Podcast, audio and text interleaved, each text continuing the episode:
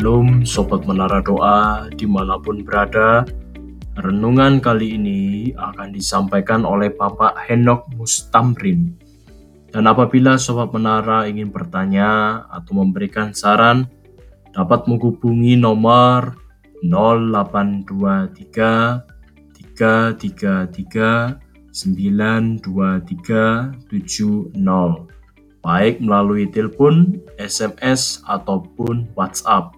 Nah, kalau begitu, sekarang kita akan mendengarkan renungan. Selamat mendengarkan.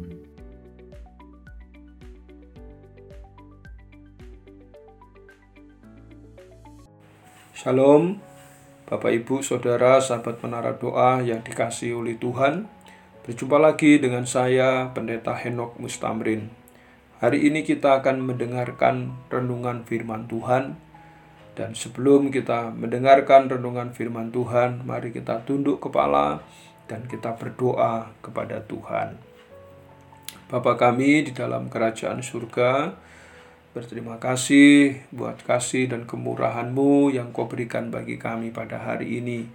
Kami masih Kau beri kesempatan untuk kami mendengarkan bagian dari firman Tuhan. Mari Engkau menolong Tuhan supaya penyampaian kebenaran firman Tuhan dapat terjadi sesuai dengan kehendak Tuhan, sesuai dengan rancangan yang dari Tuhan. Dan kami terima segenap dari kebenaran firman-Mu, supaya kami, Tuhan, mendapatkan rahasia-rahasia yang Tuhan boleh singkapkan pada hari ini. Terima kasih Tuhan. Di dalam nama Tuhan Yesus Kristus kami sudah berdoa dan bersyukur kepada Tuhan. Haleluya. Amin. Puji Tuhan, Bapak Ibu, Saudara, sahabat penara doa yang dikasih oleh Tuhan Yesus Kristus. Pada hari ini renungan firman Tuhan berjudul melakukan kehendak Tuhan. Puji Tuhan. Mari kita mengawali renungan dengan kita membaca di dalam Injil Matius 21 ayat 28 sampai dengan ayat 30. Matius 21 ayat 28 sampai 30. Judul perikopnya perumpamaan tentang dua orang anak. Ayat 28 tetapi apakah pendapatmu tentang ini? Seorang mempunyai dua anak laki-laki. Ia pergi kepada anak yang sulung dan berkata, "Anakku, pergi dan bekerjalah hari ini dalam kebun anggur." Jawab anak itu, "Baik, Bapak."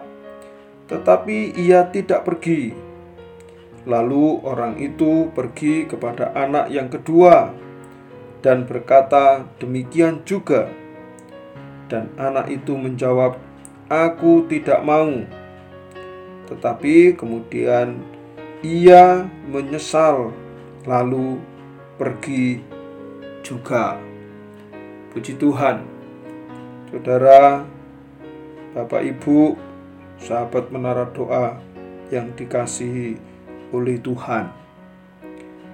Ini adalah perumpamaan yang sangat menarik yang kita boleh akan dengar pada hari ini di mana perumpamaan ini saya boleh katakan sebagai perumpamaan yang melambangkan dua jenis manusia. Yang pertama yaitu anak pertama mereka yang perkataannya lebih baik daripada kelakuannya. Ya. Saya ulangi lagi, yang dilambangkan sebagai anak pertama yaitu mereka yang perkataannya lebih baik daripada kelakuannya. Yang kedua, yaitu yang melambangkan sebagai anak yang kedua kelakuannya lebih baik daripada perkataannya. Sahabat menara doa yang dikasih Tuhan, secara sederhana dan secara gampangnya boleh saya sampaikan demikian. bahwa anak pertama ini ya menerima perintah dari bapaknya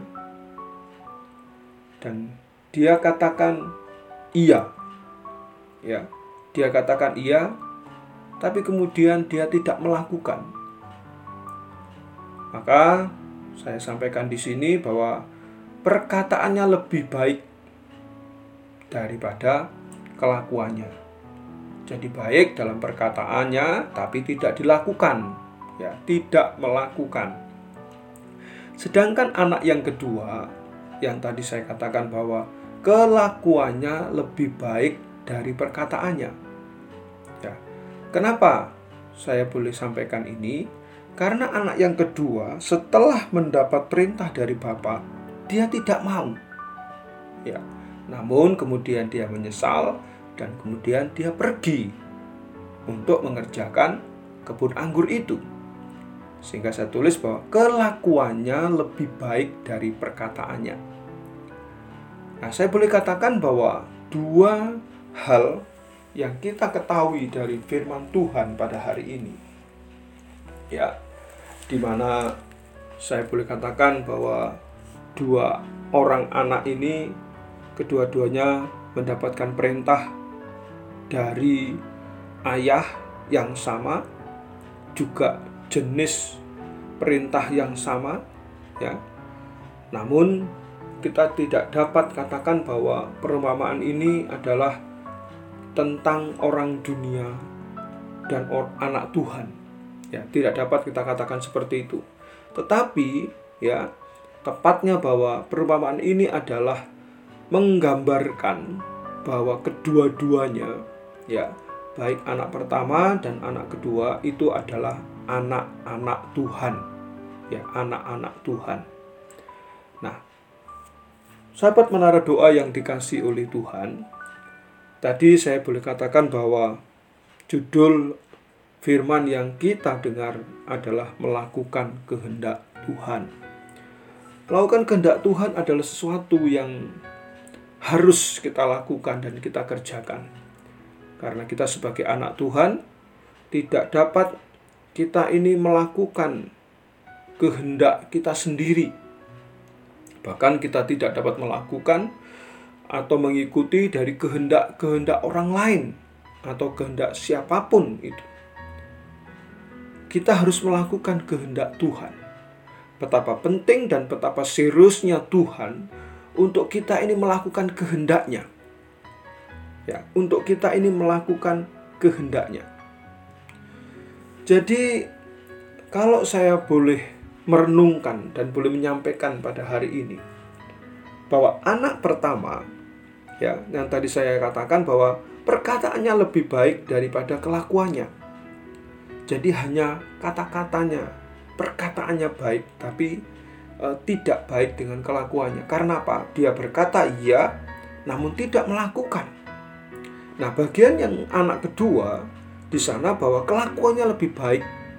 Artinya tindakannya, perbuatannya baik. Kenapa demikian? Karena dia tidak mau asalnya. Ya, menjawab bahwa tidak mau mengerjakan pekerjaan di kebun anggur itu, tapi kemudian dia menyesal dan sadar dan kemudian anak kedua ini melakukan.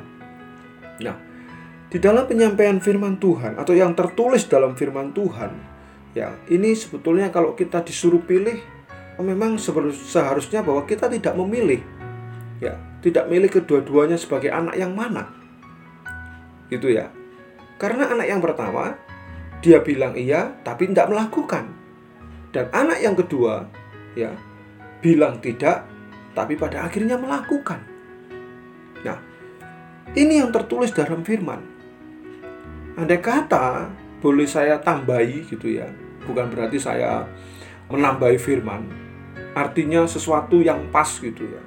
Seharusnya ya kalau ada anak ketiga, saya ingin tuliskan begini ya. Anak ketiga ini bilang iya dan kemudian melakukan, sudah.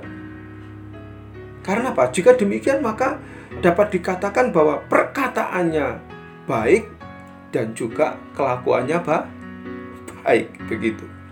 Ya. Namun di dalam firman Tuhan cuma disampaikan hanya dua anak ini, yaitu dua anak yang berkata ya tapi tidak melakukan, yang satu lagi berkata tidak tapi melakukan. Ya, jadi kalau kita disuruh milih, maka kita tidak ada pilihan. Artinya kita tentunya tidak mau ya memilih dari kedua anak ini. Maka jika ada pilihan yang ketiga, yaitu anak yang ketiga jika berkata ya dan kemudian melakukan, itu seharusnya yang kita pilih. Namun demikian firman Tuhan, ya tertulis bukan tiga tapi dua anak ini. Nah, betapa kita diajari pada hari ini bahwa kita harus melakukan kehendak Tuhan. Ya, melakukan kehendak Bapa. Bahwa kedua anak ini mendapat perintah yang sama dari orang tua atau ayah yang sama. Namun keduanya ya menanggapi atau dengan respon yang berbeda. Sekali lagi bahwa dua anak bukan dua anak ini bukan menggambarkan orang duniawi dan anak Tuhan, tapi kedua-duanya anak-anak ini menggambarkan ada menggambarkan anak-anak Tuhan begitu. Jadi kedua-duanya sebagai anak Tuhan yang melakukan ekspresi atau melakukan tindakan-tindakan ya yang kita ketahui dari firman Tuhan. Yaitu saya ulangi lagi berkata iya tidak melakukan dan berkata tidak tapi melakukan. Nah, saudara yang kasih dalam Tuhan bahwa hidup kita sebagai anak Tuhan tidak dapat kita hidup ya dengan sendirinya atau melakukan kehendak sendiri. Saya sering sampaikan bahwa sebagai anak Tuhan bahwa kita ini setelah percaya sama sama Tuhan kita ini seperti taken kontrak. Ya. Karena apa? Mau tidak mau bahwa kita harus melakukan kehendak Tuhan.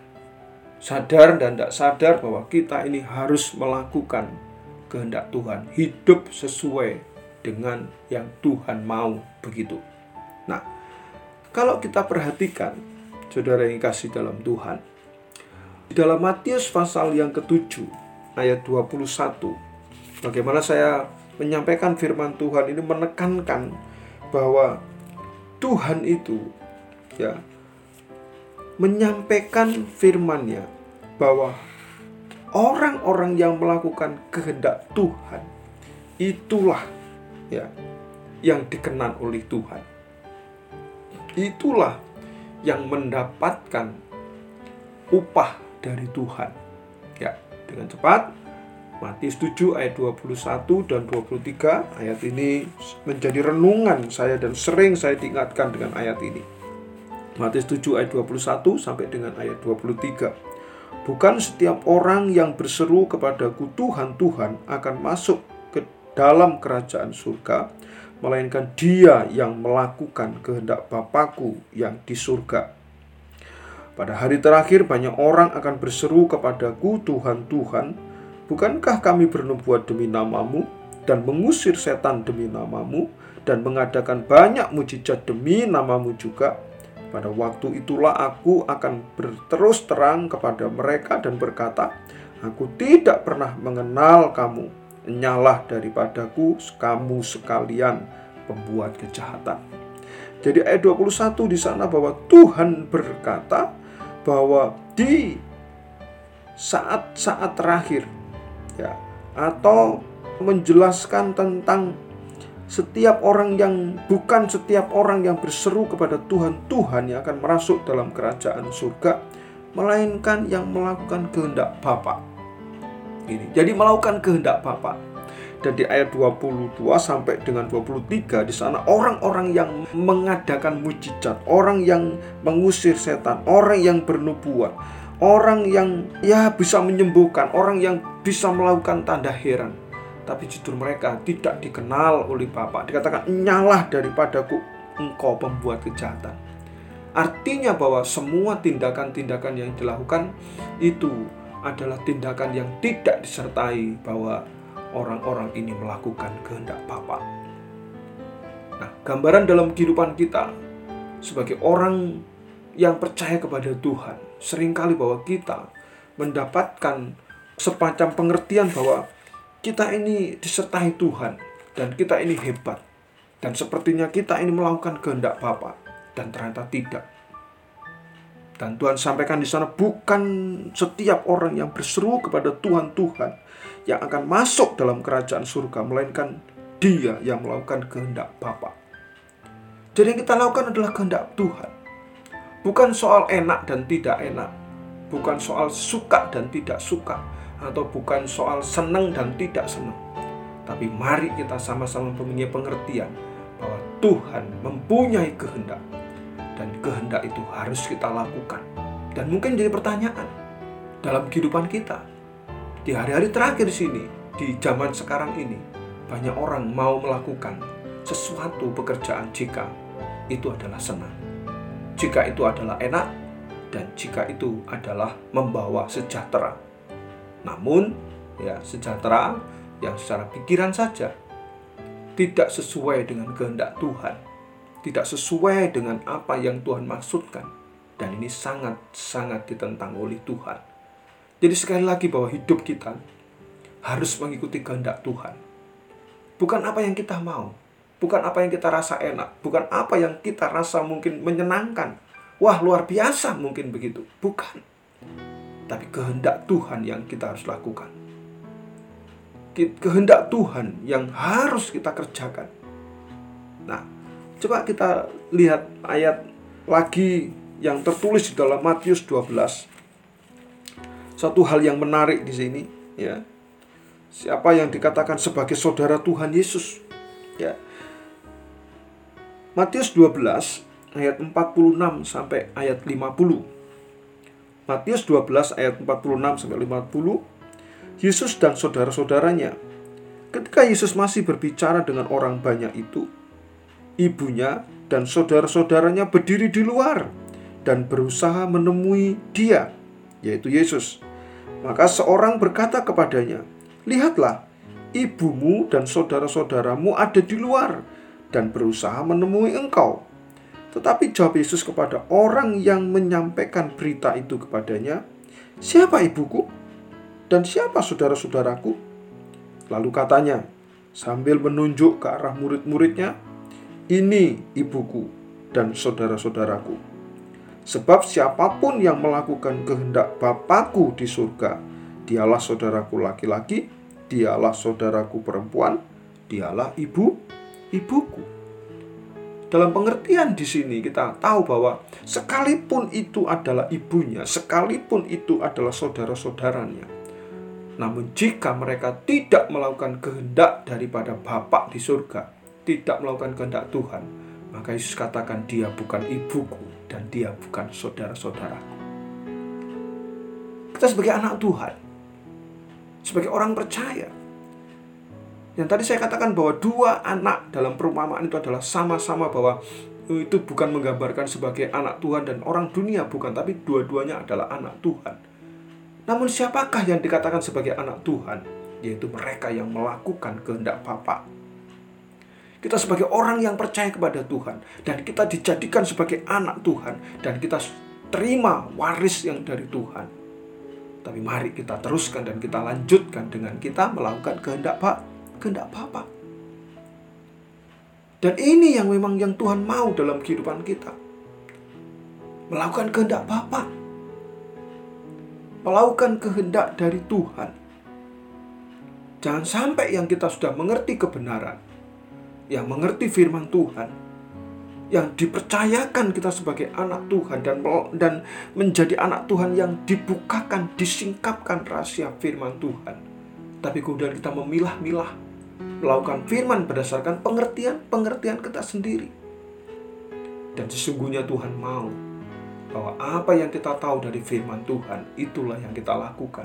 Dan itu memang kehendak daripada Tuhan. Mari saudara-saudara, sahabat menara doa yang dikasih Tuhan, kita tersadarkan pada hari ini bahwa kita harus melakukan kehendak Tuhan. Sekali lagi bukan soal enak dan enak, soal senang atau tidak senang, ya soal untung ataupun rugi. Tapi mari kita jalankan untuk kita melakukan kehendak Tuhan. Kita akan lihat di dalam 2 Timotius pasal yang ketiga. 2 Timotius 3 ayat yang ketujuh. Kita tidak jangan sampai kita menggenapi atau menjadi seperti ini ya. 2 Timotius 3 ayat yang ke-7. Demikian firman Tuhan. Yang walaupun selalu ingin diajar namun tidak pernah dapat mengenal kebenaran. Ini. Sekali lagi saya ulangi, yang walaupun selalu ingin diajar namun tidak pernah dapat mengenal kebenaran. Kebenaran dimaksud adalah apa? Kehendak Bapa. Diajar, diajar, tapi tidak mengenal kebenaran. Karena apa? Karena tidak melakukan kehendak Bapa. Kebenaran menurut diri sendiri yang dilakukan. Bukan kebenaran yang berdasarkan firman Tuhan yang dilakukan. Dan jika demikian, maka kita menjadi orang-orang yang sesungguhnya ditolak oleh Tuhan karena kita tidak melakukan kehendak daripada Bapa. Jadi mari masih ada kesempatan. Sekiranya memang kita menggenapkan dari apa yang disampaikan firman Tuhan, mungkin anak kedua, ya, yaitu yang berkata tidak, yang sementara ini menolak, yang sementara ini tidak mau, tapi kemudian kita menyesal dan kemudian kita ma mau melakukan. Mari, masih ada kesempatan. Tuhan masih buka kesempatan waktu yang Tuhan berikan. Waktu hidup yang Tuhan nyatakan ini. Yang tadinya kita menolak, yang tadinya kita tidak mau, yang tadinya kita mungkin tidak merespon dari apa yang menjadi ketetapan dan perintah Bapa. Mari kita menyesal dan mari kita sadar dan kemudian kita melakukan. Masih ada kesempatan. Masih ada waktu untuk kita berbenah diri Jangan sampai kita seperti orang-orang Farisi ahli Taurat ini yang tahu yang tahu kebenaran-kebenaran tapi tidak pernah melakukan. Bukankah mereka adalah orang-orang pertama yang dinyatakan kebenaran? Namun justru mereka mengenal ahli Taurat mengenal sekali firman Tuhan, mengerti tentang seluk-beluk dari apa yang akan dilakukan oleh Tuhan dan Mesias yang dijanjikan, tapi mereka tidak mengenal kebenaran itu dan mereka tidak mengetahui kehendak Bapa sehingga pada akhirnya mereka menolak Tuhan yang sudah datang dan menyelamatkan. Mari, saudara-saudara, sahabat mengarah doa yang dikasih Tuhan. Masih ada waktu. Dan firman Tuhan yang tersampaikan pada hari ini adalah bagian yang Tuhan tetapkan bagi kita bersama-sama. Mari kita sadar, mari kita menyesal, dan kemudian kita mau melakukan apa yang Tuhan kehendaki dalam kehidupan kita ini. Puji Tuhan, Bapak Ibu, Saudara, sahabat menara doa yang dikasih Tuhan. Kiranya firman Tuhan menjadi berkat bagi kehidupan kita bersama pada hari ini. Terima kasih Tuhan. Mari kita berdoa di dalam nama Tuhan Yesus Kristus. Kami bersyukur kepadamu untuk firman yang kau berikan bagi kami pada hari ini Tuhan. Kiranya rohmu bekerja di dalam hidup kami dan kami diberkati Tuhan. Dan Tuhan beri kekuatan kesanggupan untuk kami melakukan kebenaran firman Tuhan. Mari Tuhan, kuatkan, teguhkan, mampukan, dan roh kudus bekerja di dalam kehidupan kami Tuhan. Terima kasih Bapak. Di dalam nama Tuhan Yesus Kristus kami sudah berdoa. Haleluya, haleluya. Amin.